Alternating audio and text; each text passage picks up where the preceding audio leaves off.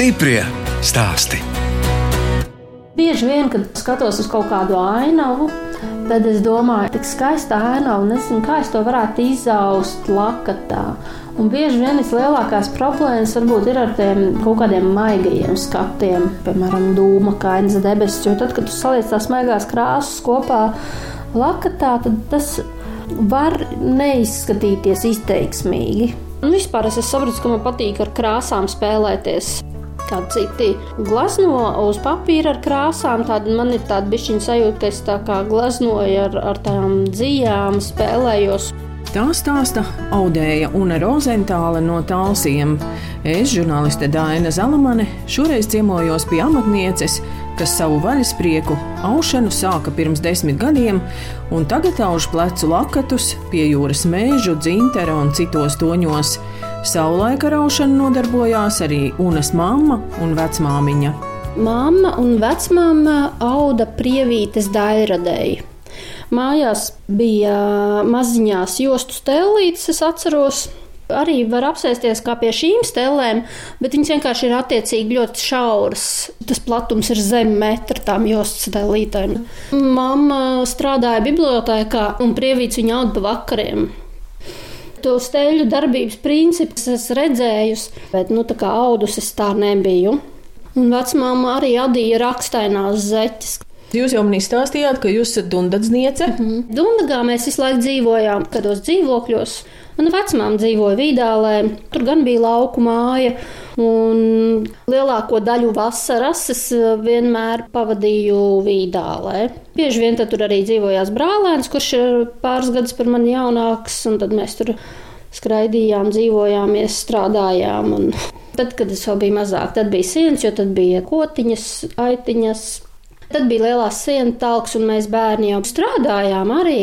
Atceros gan grābšanu, gan sienu apmešanu, žūšanas laikā, gan arī sienu augšā stampāt ar kājām. Es esmu padomu laikā dzimusi, es vēl atceros arī biešu vagas, kad jābrauc bija mammai un vecmājai līdzi, tur tās bietas ravēt. Un um, viens darbiņš, kas nepatika, bet. Um, Ko arī vajadzēja darīt, bija malkas nešana šķūnī. Una stāsta, ka skolā daudzās mācībās bijušas labas atzīmes, tāpēc grūti bijis izdomāt kādu profesiju apgūt. Gribējis studēt ķīniešu valodu Latvijas universitātē, bet neizturējis konkursu, tāpēc pēc mammas un Dundagas režisoras Vairas Kamaras ieteikuma mācījās par kultūras menedžeri un amatieru teātra režisori, bet strādāja dažādus darbus. 21 gadu vecumā, var teikt, man piedzima meita, un es atgriezos atpakaļ Dundagā dzīvot. Es biju gan sekretāre vienā lielā Eiropas projektā, tad es pastrādāju skolā vienu gadu par skolotāju. Strādāju tālus televīzijā, tad pēc tam man uzaicināja uz tālus vēstījumu, uz laikrakstu strādāt žurnāliste, un tad eh, kādu laiku es biju maketētāja. Kad maketētāji eh, bija aizgājusi bērnu kopšanas atvaļinājumā, tad es ar lielāko prieku maketēju, jo es negribēju tajā brīdī vairs rakstīt.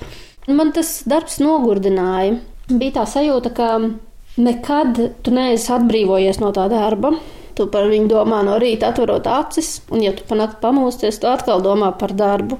Tad es meklēju to iespēju, ko tad darīt ārpus tā darba. Tad es ieraudzīju uz afišu dēļa, ka tāls tauts tomēr atvērto durvju dienas visādiem pulciņiem. Un tad es redzēju, ka tur ir arī aušanas pulciņš. Nu, arī manī bija tie stereotipi, ka nu, auž jau tikai vecas skundzītes, bet kaut kā vienalga es nodomāju, ka nu, labi, es pamēģināšu. Man iesēdināja grīceliņa stelē, saudēja pulciņā. Tas pluss ir tāds, ka tevi nevis apsēdina pie galda un liek mācīties kaut kādu teoriju, Bet tevi vispirms iesēdina stelēs, un tu sāc aust. Un tad, kad tu bišķiņu paudi, tad pamazām tev parāda, kā savērt nītīs, kā izlasīt šo nīšu zīmējumu, pēc tam kā piesiet pāminas.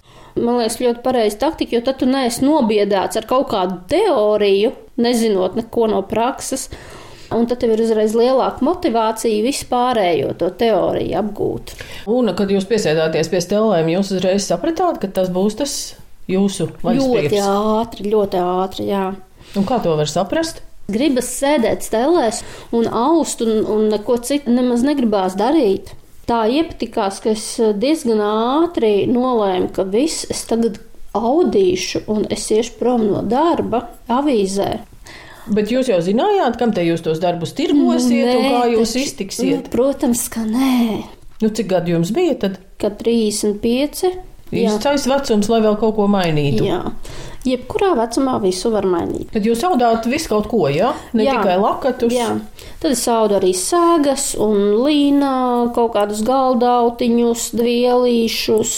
Jā, tā laikā tad es sapratu, ka es uh, nemāku sadraudzēties tā īsti labi ar līnu. Ar vilnu labi draudzējos. Ļoti patika lielās sagas aust. Man patika grīceliņu saust krāsainus tādus, nevis vienkārši strīpainus, bet ar rakstiem tādus krāsainus. Tad kaut kādā brīdī tas nonāca tik tālu, ka es principā augu tikai lakatus un daudz starp brūnčus. Un tad kādā brīdī, kad es biju biznesa inkubatorā, viens no pasniedzējiem pajautāja liktenīgo jautājumu, bet ko tev patīk vairāk darīt? Brūnčus vai lakatus saust? Un tad es tā pasēdēju un padomāju, un sapratu, ka labāk man patīk aust lakatus. Un tagad tikai lakatus. Ko jūs meklējāt biznesa inkubatorā, kādas zināšanas? Man vēl būtu ko meklēt, jo katru soli, ko tu spēr, tev uzreiz mainās tā perspektīva, ko tu redzi, ko tev vajag zināt. Man jau savi darbi ir jānotirgo. Man sevi ir jāprezentē, jātirgo, jāatrod, kam notirgot. Un tas viss ir tas pats, kas biznesā. Nav jau tā, ka es sēžu uz tellēs un pircēji nāk pie manis tāpat vien. Man viņi visi ir jāatrod, jāuzrunā šie cilvēki. Kā jūs tad caur Instagram? Jā, Instagrams un Facebook. Nu, Instagramā man ir tā lielākā auditorija. Krietnes pulciņš man savācies. Bet tie tad ir ne tikai Latvijā, bet arī jā, visā pasaulē. Jā, jā. Stiprie stāsti.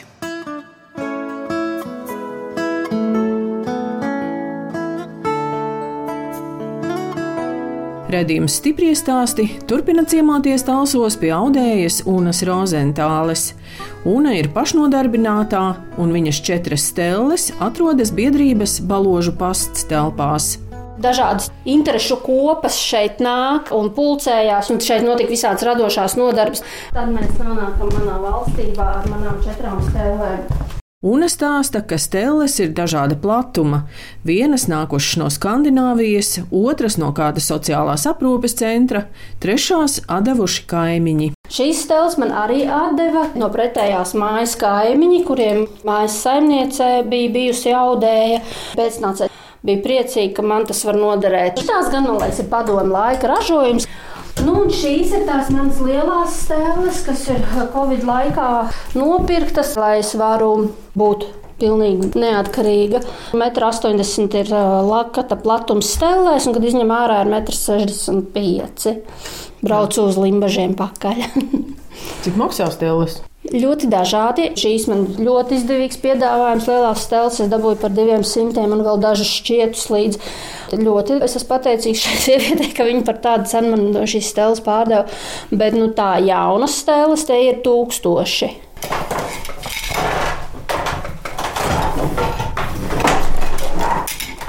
Una šobrīd auž tumši brūnu sēgu zemes toņos, kas ceļos uz Meksiku.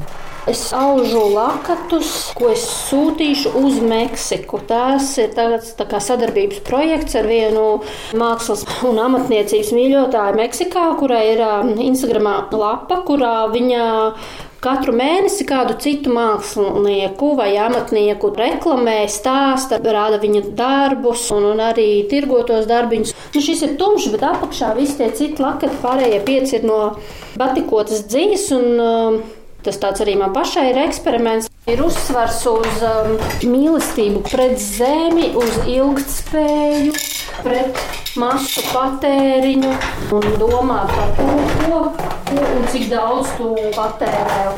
Un tādā veidā es ar šīm krāsu kombinācijām mēģināju aptvert um, šādu tēmu. Kā tas vispār runa ir? Ja ir reizē jāauž un jārunā, tas nevar sajaukt kādus tos muskuļus. Uh, var sajaukt, bet es ļoti ātri to māku pamanīt. Šeit tagad man ir lielais kvadrāts, kādu laiku viņas var auz, bet tad man ir jāskaita rindas. Tad, kad ir mazie kvadrātiņi, tad jau tur redz, tev ir četras rindas jānoauž, tur jau arī neko baigi sajaukt nevar.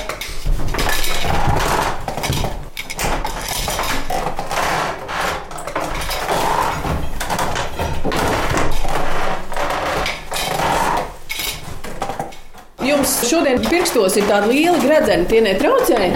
Tie ir jums pagodus. Ā, nu skaidrs, ka ikdienā jau Jā, es eh, ar gredzeniem es uzpucējos. Ikdienā es aust nevaru ar gredzeniem. Tāpat arī, tad, kad metu bīzi, tad jāskatās, vai nav kaut kādas pogas, kas traucē kaut kur, kur var aizķerties. Tā kā ir ļoti jāpārdomā apģērbs. Bet aužot visu laiku, jūs esat tiešām kustībā, vai ne? Jā, jo tad jāauž, piemēram, šauru dvielīti, nu tad tiešām tev kustās varbūt tikai rokas, bet uh, lakatu aužot tev kustās viss ķermenis. Principā šeit es pret beņķi atspiežos, un es uz kājām stāvu lielākoties, jo man tā šūpošanās amplitūda tik liela, ka vai nu tad es sēžu lēniņām un šļūkāju pa to beņķi visu dienu, vai arī es stāvu pa pusē kājās un no tādiem lieliem atvēzieniem to daru. Jā, nu es skatos, jums arī kājās zeķītes. Jā, jo ar zeķiem ir tu visātrāk un vienkāršāk var sajust paminu. Bet nu, šīs lielās stēles šobrīd visvairāk tagad es lieku aust vīram. Jo es pati nogurstu no tik intensīvas aušanas. Viņš? Viņš priecīgs. Viņš ar lielāko prieku. Jā. Katrai krāsai ir sava atspole. Tā darbs iet ātrāk uz priekšu, ka tev nav katrs tonis jānomaina atspolē. Tu vienkārši paņem jaunu atspoli, kurā tev jau ir vajadzīgais tonis. Nu, kā redzat, man ir ļoti daudz toņu. Jo, nu, labi, zils un zaļš, bet te tās nianses tik daudz, ka beig beigās tur ir kaut kādi 15 vai 16 toņi bijuši. tik daudz atspūles tad arī tiek izmantots. Jā. Tiem velku diegiem galā es uzmetīšu jaunu bīzi, uzvilkšu uz šī bomja. Šeit būs diegi nogriezti, un te es siešu klāt jaunos diegus. Man izpaliek šis process, kad man ir jāvēr viss pa jaunam cauri nītīm un šķietām. Tā ir tāda liela darba daļa, kas man nav jādara. Tāpēc man arī ir tās daudzās stēles, ka vienam lakatam ir konkrēts dievu skaits, un tam es piesienos klāt ar jauno lakatu. Citās stēlēs ir cits dievu skaits, un es piesienos klāt, un man nav jāmaina platumi. Man uh, ļoti liela darba daļa vienkārši tādā veidā ietaupās. Es esmu optimizējis savu darbošanos. Jā. Es arī pats saku, ka tas ir aiz manas linkuma, ka es negribu darīt liekas darbības. Es esmu izdomājis visu kaut ko, lai man nav. Aiz slinkuma jau rodas tās Jā. labās idejas, vai ne? Kā to procesu padarīt Mhm, vienkāršāku. mhm, Jā, jā. Dzīves, tās visas ir noteikti vilnas dzīves, vai ne? Viss ir vilna, un viss ir no pats vilnas fabrikas. Un tur ir vairāki iemesli, kāpēc es tieši ar to strādāju. Pirmkārt, pāce ir tuvu. 30 km. Otrakārt, tā vieta ir tīri emocionāli sirdī tuvu, jo es pat esmu no Dunkas un tad pats saimnieks. Pat kaimiņos bērnībā dzīvoju. Man gribās atbalstīt pazīstamus cilvēkus. Man patīk tas, ka es aizbraucu uz pāci un rudīti. Var apjautāties, kā iet manai mammai. Viņi zina, kas es esmu un manu ģimeni, manu dzimtu. Un trešais, protams, ir toņu bagātība. Pāce arī paši ir mākslinieki. Viņi reizēm pat nevar man piedāvāt to pašu tonu tādu. Bet, pamainot lakatā krāsu proporcijas, var panākt to pašu efektu. Bet tur jau var būt arī tas skaistums, ka tie nav divi vienādi. Jā, kaut kādās niansēs viņi vienmēr atšķirās. Mēs jau sarunājām, ka jūs dažus lakatus būsiet atstājusi, ko man parādīt. Viens ir šis lielais jā, jūras lakats, kas vēl tur stelēs, tie vēlki redzami, 11 toņi. Tad šeit vēl ir redzams lavas lakats. Šis ugunīgais stūris uz tumšā fona. Tas cilvēkiem ļoti patika. Un šis ir arī lakats, ko es uh, uzdāvināju nesen, kad prezidents pie manis ciemojās darbnīcā. Tad uh, ir šāds, ko es saucu par uh, dzintara lakatu. Uz šī tumšo priežu skuju fona tie oranžīgie atgādina tādus dzintarus. Šeit vēl ir redzams, ko sauc par zelkšu lakatu. Sieviete, kur atsūtīja bildi, kur sūnās guļ zelktis. Viņa tādu zelkti bija sastapusi savā pastaigā pa mežu.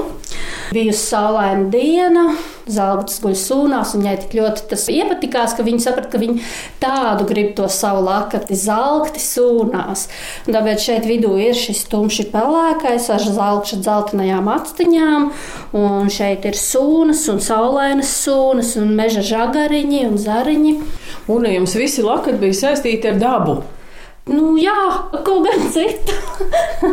nu, viens lakats ir attausts pēc mantotas segas, kas bija ķēžu tehnikā austa sega. Galos bija tur tādas strīpas, bet es šo strīpu atkārtojumu, tā kā ritmu var ielikt rūtīs. Bet tā jā, pārsvarā ir daba. Latviešiem, nu, it kā mēs sakām, patīk tie zemes toņi un tā, bet tad, nu, lavas lakats jau ir tāds košs. Ir reizēm arī tādi zemes toņu lakati, jā, bet uz tiem nemaz tik kārtie ļaužas nav. Tiešām. Jūs arī vaicājat cilvēkiem, nu, kā viņi nesā lakatus, ne jau tikai jā, man ik pa laikam kāds pats atrakst, vai šogad bija brīvdabas muzejā uz tirgu. Nu, tās bija augstās dienas, tagad brīvdabas muzejā. Šogad tieši lietains un drēgans bija. Nāk jaunas sievietes, un nāk, un viņām ap pleciem ir pakats aizsprāsts ar kādu saktiņu vai ko, kā ikdienas elements, lai būtu siltāk. Man lakat vairs sen nav tikai stāsts par tautas tērpu.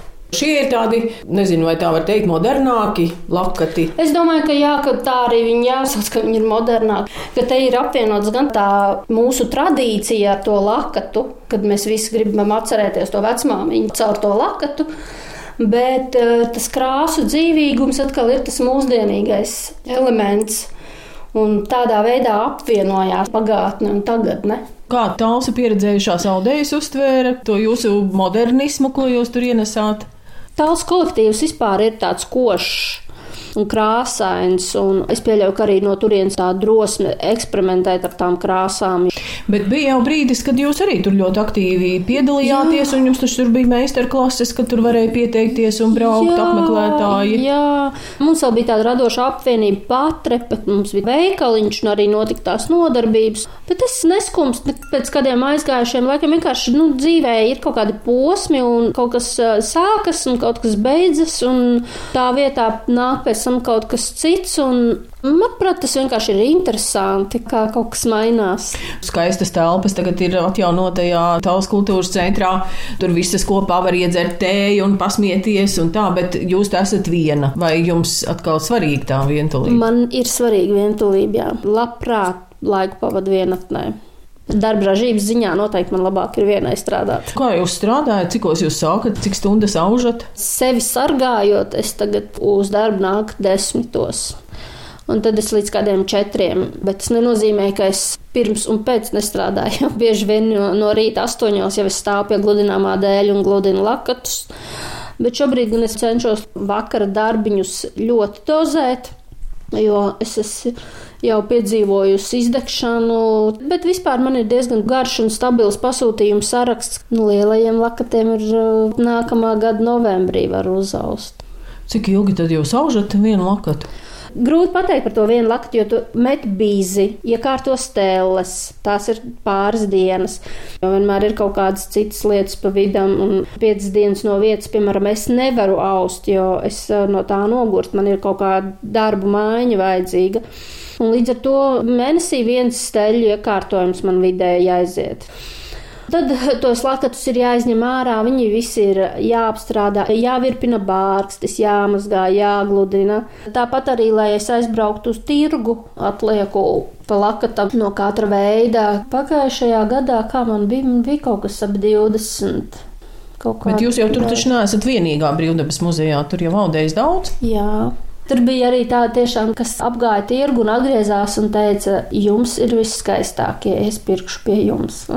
nu, viskošākie noteikti. Jā, protams, vienmēr jau ir tas faktors, vienam māte, otram meita, trešam kleita, bet nu, es, protams, priecājos, ka man lakati uzrunā.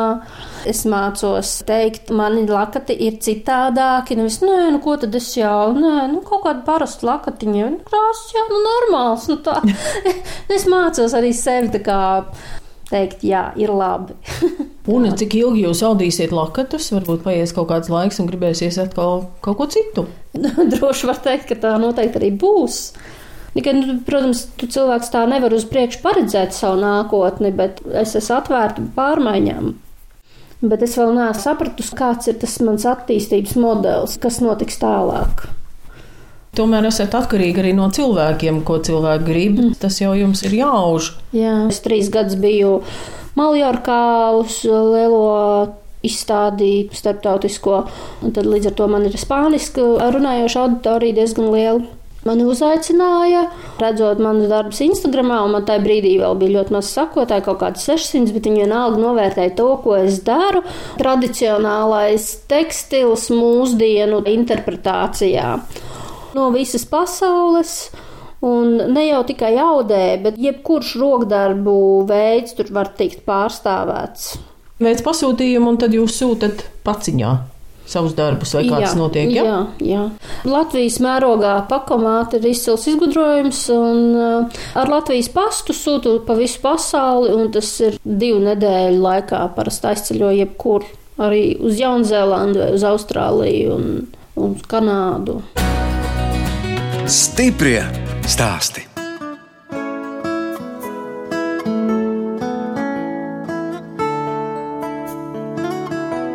Radījums stipri stāsti turpina ciemoties pie audējas Unas Rozentālas talsos.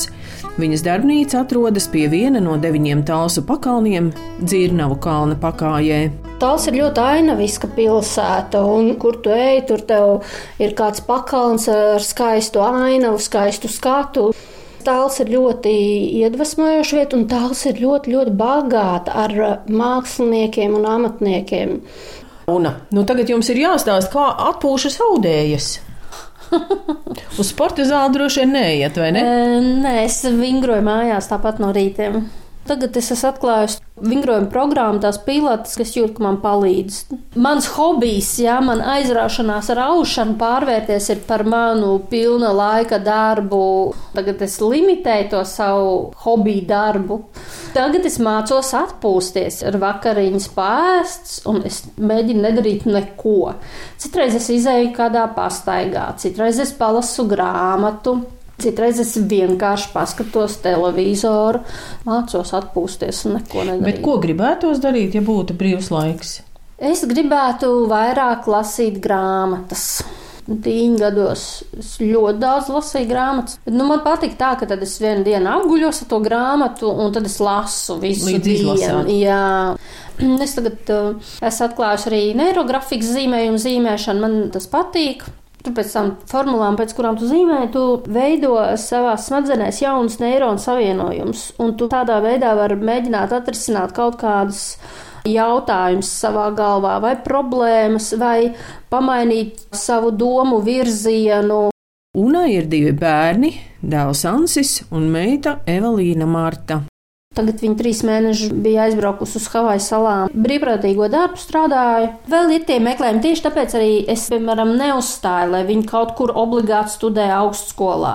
Otrs bērns ir Ansis, kuram ir 13. Nu, viņš ir kā jau tīns, viņš iet mūzikas skolā un spēlē čēlu, un jau piekto gadu viņš iet mūzikas skolā. Bet Paldies tiem visiem mūzikas skolas skolotājiem, kas, kas viņu brīvo lidojumu iztur, jo viņš labprāt iet uz mūzikas skolu, bet viņš mājās negrib mācīties. Un jūs teicāt, ka noteikti jāpiemina jūsu vīrs Sandis. Jā. Bez viņa es nebūtu tur, kur es esmu. Un sākot jau ar to, ka tajā brīdī, kad es aizgāju no darba un man ienākumu praktiski nebija. Viņš pacietīgi klusēja un ļāva man šo ceļu iet un izdzīvot. Šis viņa atbalsts, netraucēšana man to savu ceļu meklēt. Šobrīd jau atkal tas ir pārgājis jau citā fāzē, kad viņš tīri fiziski ļoti daudz spēja izdarīt. Viņš strādā apzaļumošanas firmā par dārznieku palīgu, tad tur ir pilna diena ar fizisku darbu rakt stundu un daudz smagu fizisku darbu. Un tad viņš var atnākt mājās, viņš vēl var uztaisīt ēst, un tad apsēsties pie televizora un vēl savirpināt vienam lakatam bārkstis. Un jums ir paveicies. Es zinu, jā.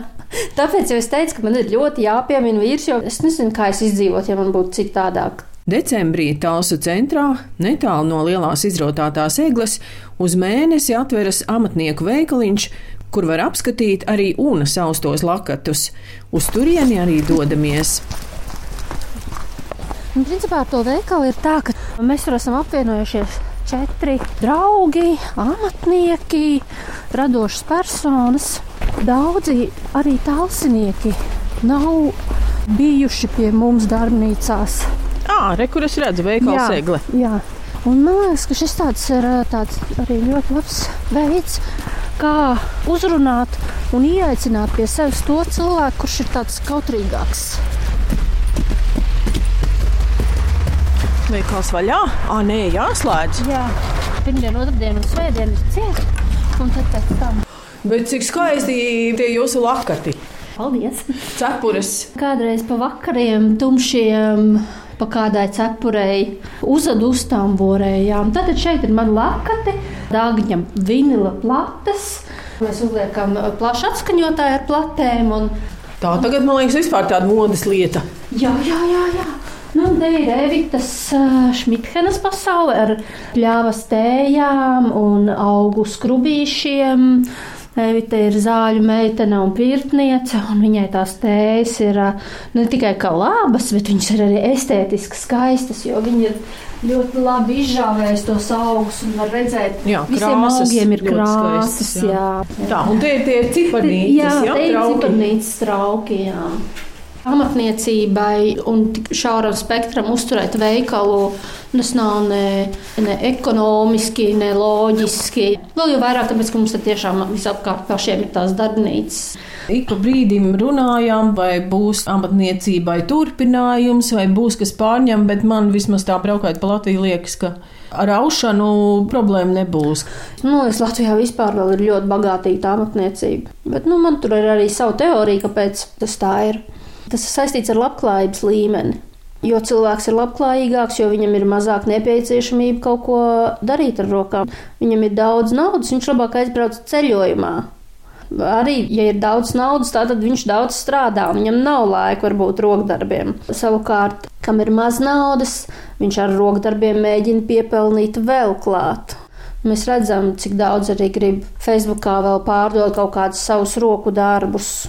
Līdz ar to tas vēl tiek nodots arī tālāk zināšanai. Nu, nav tā, ka tad jaunā paudze nezina, kā izmantot, piemēram, adāma adats vai tamboradats. Jau otro ziemu man netraucē tumšais laiks.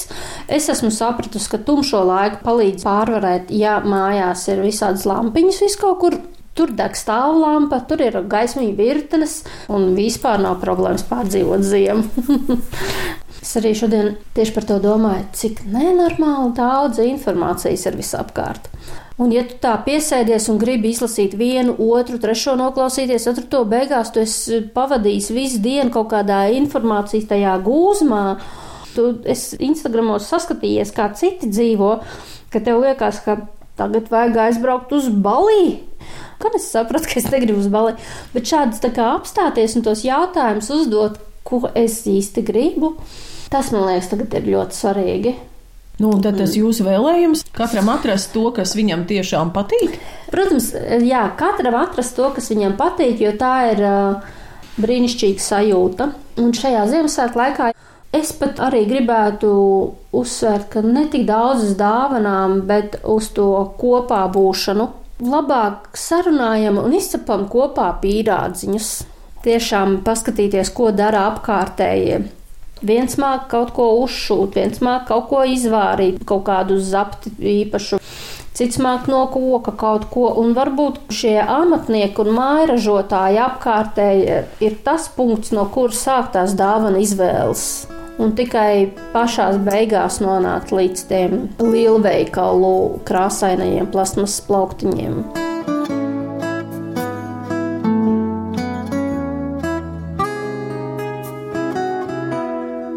Redījumā stipri stāsti tikāmies ar audēju un rozentālu no talsiem, kas plecu lakatos iauž pie jūras meža krāsas, dzintaru un pat zelti. Una sākā uz 35 gadu vecumā un uzskata, ka kaut ko mainīt dzīvē var jebkurā vecumā. No jums atvedās žurnāliste Dāna Zalamane un operātore Inga Bēdele, lai tiktos atkal tieši pēc nedēļas.